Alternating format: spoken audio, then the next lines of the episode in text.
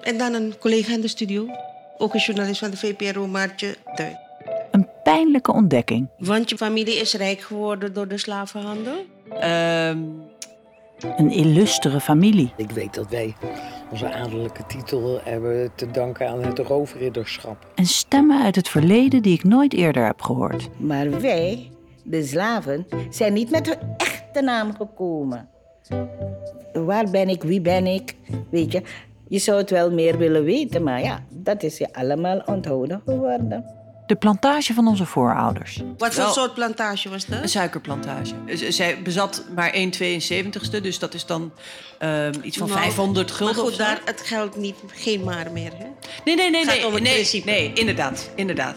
Een VPRO-podcast van mij, Maartje Duin, in samenwerking met Peggy Bouva. Ik heb van eh, meerdere mensen in mijn omgeving ook wel de vraag gekregen van... Goh, zou je dat nou wel doen? Vind je het wel verstandig? Ja? Eh, ja, omdat er toch wel een grote argwaan is naar de witte mens. Vanaf eind mei in je podcast-app en bij OVT, NPO Radio 1. Er is niks meer aan te doen. Al die mensen zijn dood.